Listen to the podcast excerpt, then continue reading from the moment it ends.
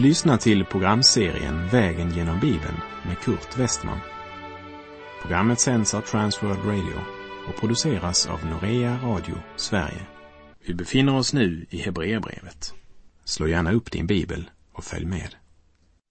Vi avslutade förra programmet med Hebreerbrevet 2.8. Allt har du lagt under hans fötter. När han lade allt under honom utelämnades inget. Allt skulle vara lagt under honom. Ännu ser vi inte allt vara lagt under honom. Och jag nämnde ännu ser vi inte allt vara lagt under honom. Det vill säga, vi har Guds sanna löfte om att en dag skall allt vara underlagt Kristus. Men det ser vi inte ännu. Vi lever ännu i tro, i förväntan på vår kropps förlossning. Och när vi nu fortsätter vandringen från kapitel 2 och vers 9 så repeterar jag också vers 8 för sammanhangets skull. Allt har du lagt under hans fötter. När han lade allt under honom utelämnades inget. Allt skulle vara lagt under honom. Ännu ser vi inte allt vara lagt under honom. Men Jesus, som för en tid gjordes ringare än änglarna, honom ser vi nu krönt med härlighet och ära, därför att han led döden. Genom Guds nåd skulle han smaka döden i allas ställe. Ännu ser vi inte allt vara lagt under honom. Vår jord är ännu ockuperad av Guds fiende. Det är inte Guds vilja människorna lyssnar till. Men Jesus, honom ser vi krönt med härlighet och ära därför att han led döden. Och Jesu förnedrande och smärtfulla korsdöd var inte en olycka på en judisk höjd, utan Guds centrum för människans frälsning. Vad menar vi när vi bekänner pinad under Pontius Pilatus? Vi bekänner att Jesus under hela sitt jordeliv och särskilt mot slutet bar Guds vrede över allt det som människosläkten har syndat, bar det med kropp och själ. Ett lidande utan gräns, när han bar den börda som ingen annan kunde bära, nämligen din och min synd. Och han blev frestad i allt liksom vi, dock utan synd. I Andra Korinterbrevet 5, vers 21 står det. Den som inte visste av synd, honom har Gud i vårt ställe gjort till synd, för att vi i honom skulle stå rättfärdiga inför Gud. Kristi kors har en yttre och en inre sida. Den yttre sidan omfattar allt det vi kan se av hans lidande. Att han blev fångad, bunden, hånad, slagen och bespottad. Krönt med törnekronan så måste han själv bära det kors som han för våra synders skull var tvungen att hänga på. Det är den synliga sidan av Kristi kors och därför också den sida som det talas mest om och som också mest griper de som lyssnar till Guds ord. Men vad är så den inre sidan av korset? Det är den som gör Kristi kors till något enastående. Här måste vi högre upp, eller kanske jag borde säga djupare ned än till Kaifas Pilatus, Getsemane och Golgata. Vi måste se Jesus där han träder fram inför Gud och tar på sig ansvaret för oss. Då måste vi finna fram till det undret att när Adam måste gå bort från Gud med en stängd dörr bakom sig, då stiger Kristus fram och skriver det första löftet på den stängda dörren. Han lovar att öppna den för oss. Och bördan lades på Kristi axlar redan då han blev född under lagen. Men korset, det blev djupast sett lagd för Jesu fötter redan när Gud uttalar sitt löfte i Första Mosebok kapitel 3 att kvinnans säd ska söndertrampa ormens huvud. Gud lät allas vår missgärning drabba honom och då tog han all världens synd på sig. Och på vägen ut till Getsemane säger Jesus, min själ är djupt bedrövad ända till döds. För stunden hade kommit då Människosonen skulle överlämnas i syndares händer. Hans lärjungar såg den förnedrade och törnekrönte Jesus bära sitt kors ut till Golgata, där han led denna pinsamma död. Men Jesus, honom ser vi nu krönt med härlighet och ära därför att han led döden. Genom Guds nåd skulle han smaka döden i allas ställe. Det är trons öga som ser den förhärligade Kristus. Men en dag så ska denna härlighet uppenbaras för alla människor när Jesus kommer åter för att upprätta sitt eviga rike. I Hebreerbrevet 9, vers 27 och 28 står det och liksom det är bestämt om människan att hon en gång ska dö och sedan dömas, så blev Kristus offrad en gång för att bära mångas synder, och han skall en andra gång träda fram, inte för att bära synd, utan för att frälsa dem som väntar på honom. Genom Guds nåd skulle han smaka döden i allas ställe. Det läste vi i vers 9. Och därför att Kristus led i vårt ställe och smakade döden finns det nåd för alla som vill ta emot honom som frälsaren. Och i tron ser vi honom redan nu krönt med härlighet och ära. Tron är en övertygelse om det man hoppas en visshet om det man inte ser. Saliga visshet, Jesus är min. Han är min herde, kallar mig sin.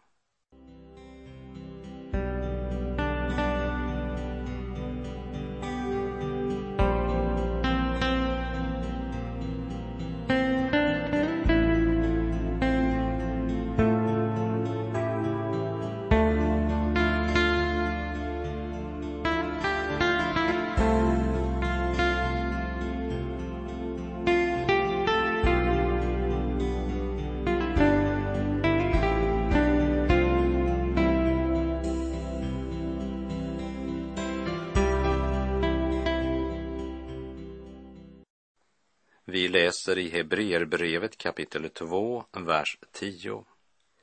Ty när Gud, för vilken och genom vilken allting är till, skulle föra många söner till härlighet, måste han fullkomna honom genom lidanden, han som för dem till frälsning.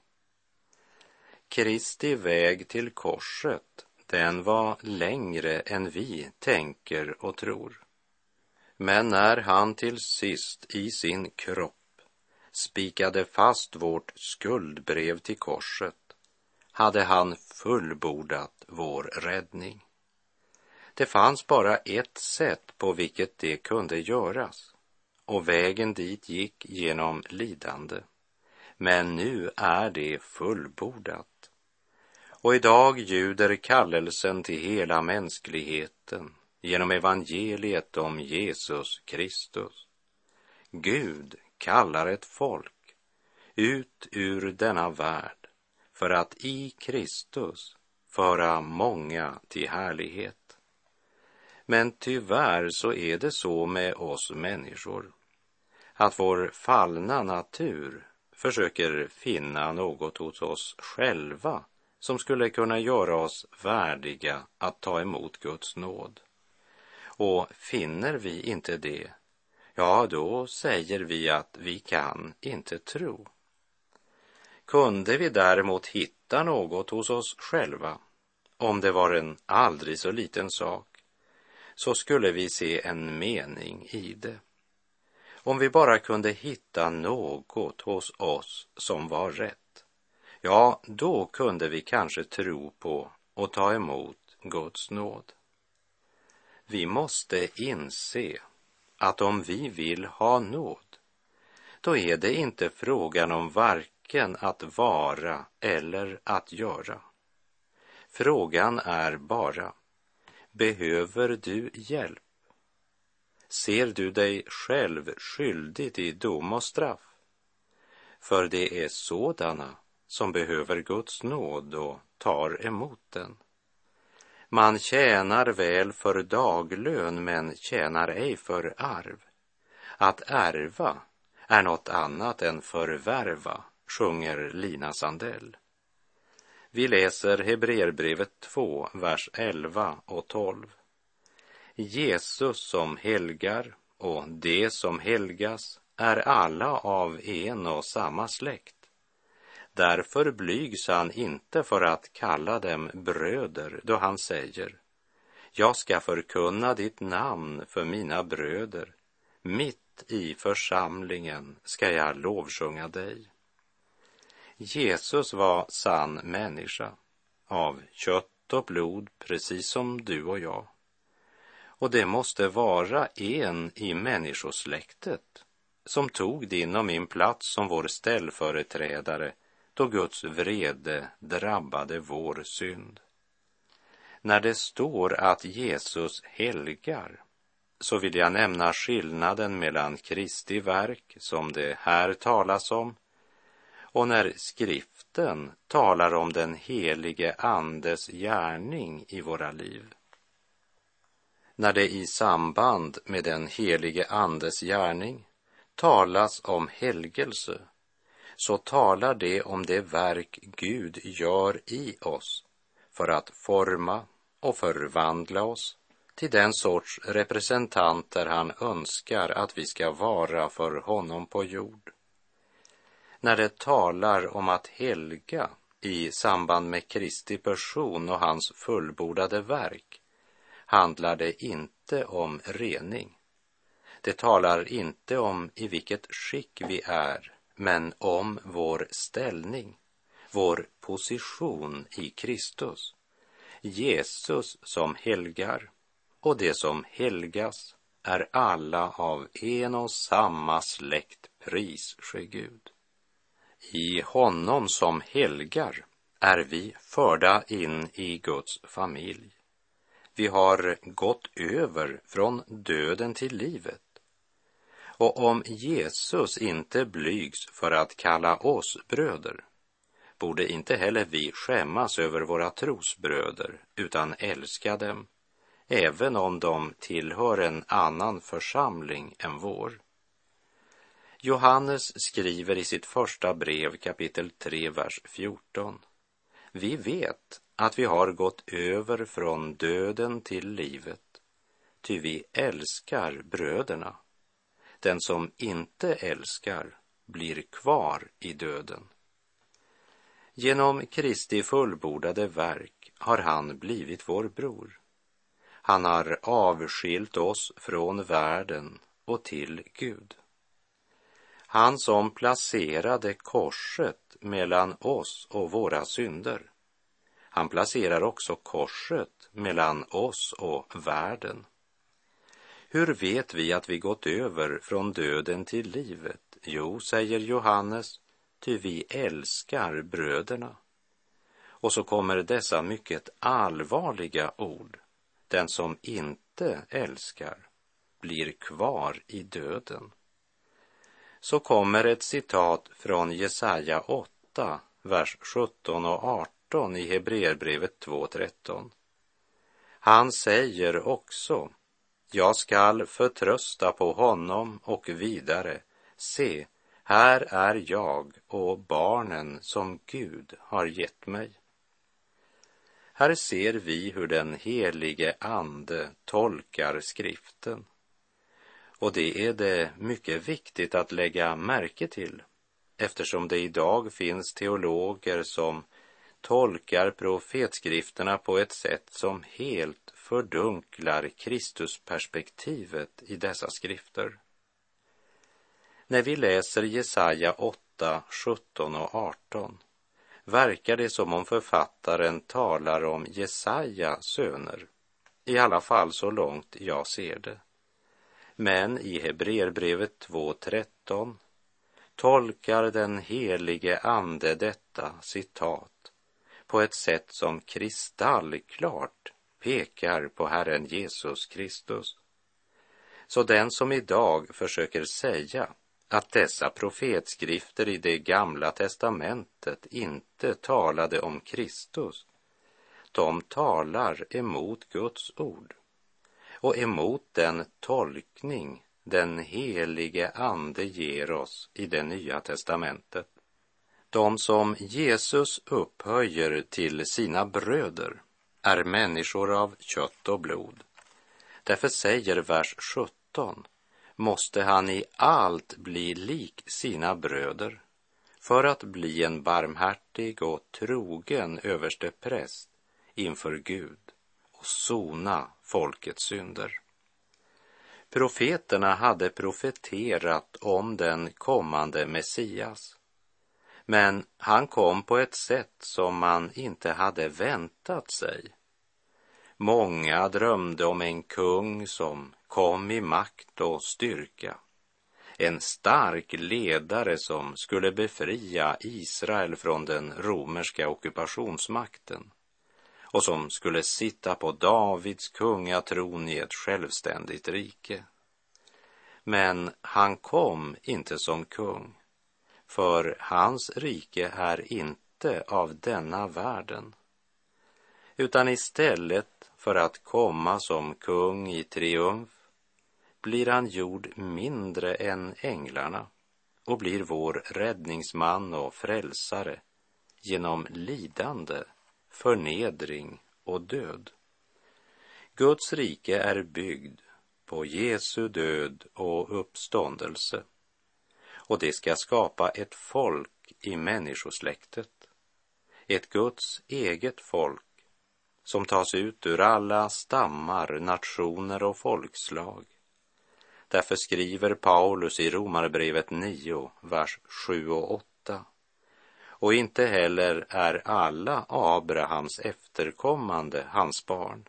Nej, Isaks efterkommande skall räknas som dina barn. Det vill säga, Guds barn är inte det som är barn genom naturlig härkomst, men löftets barn räknas som hans efterkommande.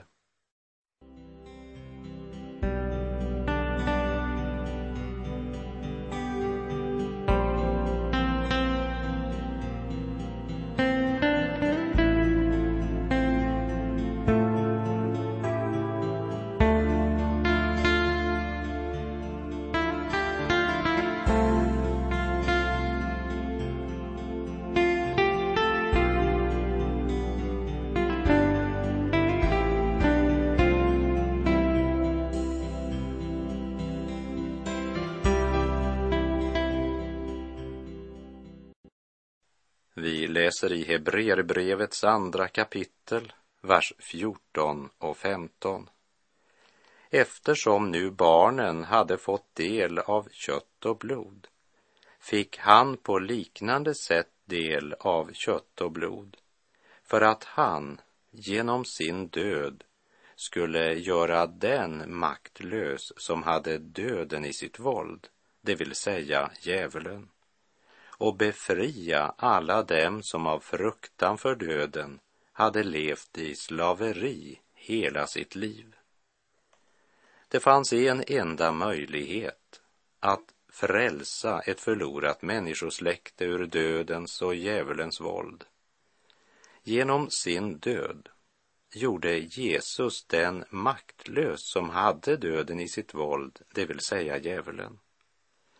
I första Korinthierbrevet 15, verserna 55 till och med 57 står det. Du död, var är din seger? Du död, var är din udd? Dödens udd är synden och syndens makt kommer av lagen. Men Gud vare tack som ger oss segern genom vår Herre Jesus Kristus. Döden är inte längre i djävulens våld. Djävulen är besegrad.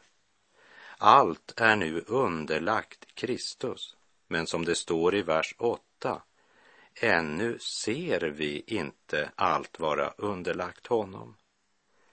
Trots Kristi segerrika uppståndelse har vi ännu inte uppstått, utan vi lever på syndens och dödens jord, där Guds barn föraktas av världen och är utsatta för världens fiendskap. Djävulen rasar som aldrig förr, för han vet att hans tid är kort. Men den som tar emot Jesu fullbordade frälsningsverk befrias från fruktans slaveri. Guds heliga lag krävde och kräver att den som syndar straffas med döden. I Hesekiel 18.20 står det den som syndar, han skall dö. Och i det nya testamentet är det uttryckt så här i Romarbrevet 6, vers 23 ty syndens lön är döden. Men nu har Kristus uppburit den lön som du och jag förtjänade.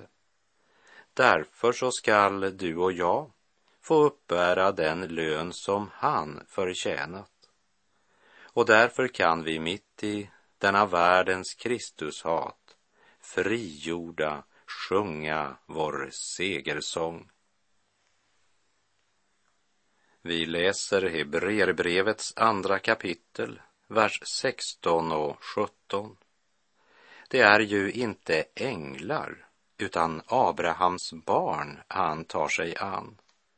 Därför måste han i allt bli lik sina bröder för att bli en barmhärtig och trogen överste präst inför Gud och sona folkets synder. Det är den Kristus som går ut till Golgata som är den gamla paktens Messias. Han som var utlovad skulle komma har kommit. Det gäller de judar som kommer till tro och det gäller var och en som tror på honom. Galaterbrevet 3, vers 7 säger Därför ska ni veta veta att det som håller sig till tron, det är Abrahams barn. Jesus blev människa. Han är inte en ande som svävar över jorden, utan han gick rakt in i vår verklighet. Vardagslivets stormar, kamper och prövningar har han erfarit i sitt eget liv.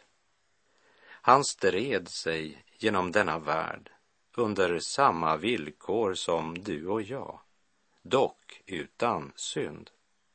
Han vet vad det är att vara hungrig och törstig. Han vet vad det är att vara trött. Trött lade han sig ner i båten för att sova. Han hjälper oss inte bara därför att han är Guds son därför att han har gudomlig makt och kärlek till att göra det. men också därför att han är vår bror och en prövad man. Han vet vad det vill säga att bli sviken. Han känner och förstår din smärta och din svaghet bättre än någon annan. Som människa stod Jesus närmare kroppsarbetaren än förkunnaren. Han växte upp som snickare i Nasaret. Han blev gjord lik oss i allt, dock utan synd. Och lik oss så blev också Jesus frestad. Ja, det står att han blev frestad i allt, dock utan att synda. Han stod där du och jag föll. Och nu erbjuder han dig sin seger, så tacka och ta emot. Så länge vi vandrar på denna syndens jord utsätts vi för frestelser, därför att vi vill leva i helgelse. Därför manar Paulus sin unga medarbetare Timoteus, kämpa trons goda kamp. Sök att vinna det eviga livet som du blev kallad till och som du bekände dig till genom att inför många vittnen avlägga den goda bekännelsen. Och den kampen står vi i helt tills Kristus kommer igen. Eller vår vandring avslutas med att vi läggs i grav intill den dag då vi uppstår till evig frid och glädje. Han älskar dig så högt och innerligt att det förde honom ut till korset. Det kostade honom livet att erbjuda dig liv.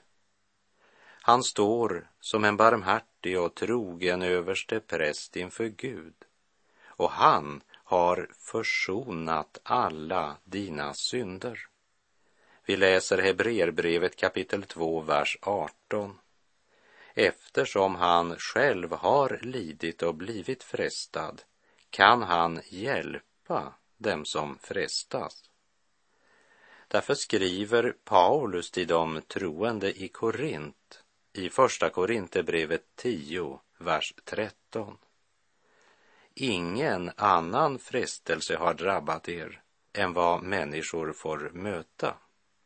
Gud är trofast han ska inte tillåta att ni frestas över er förmåga, utan när frestelsen kommer skall han också bereda en utväg så att ni kan härda ut. Och i Filipperbrevet 4, verserna 6 och 7. Gör er inga bekymmer för något, utan låt Gud i allt få veta veta era önskningar genom åkallan och bön med tacksägelse. Då ska Guds frid som övergår allt förstånd bevara era hjärtan och era tankar i Kristus Jesus. Gud kan bevara dina tankar i Kristus om han får lov. Låt oss meditera över det tills vi hörs igen. Herren vare med dig. Må hans välsignelse vila över dig. Gud är god.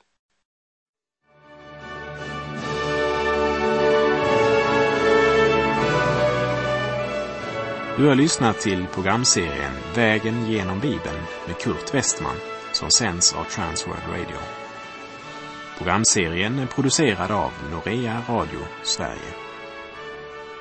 Om du önskar mer information om vårt radiomissionsarbete så skriv till Norea Radio Sverige, box 3419 103 68 Stockholm.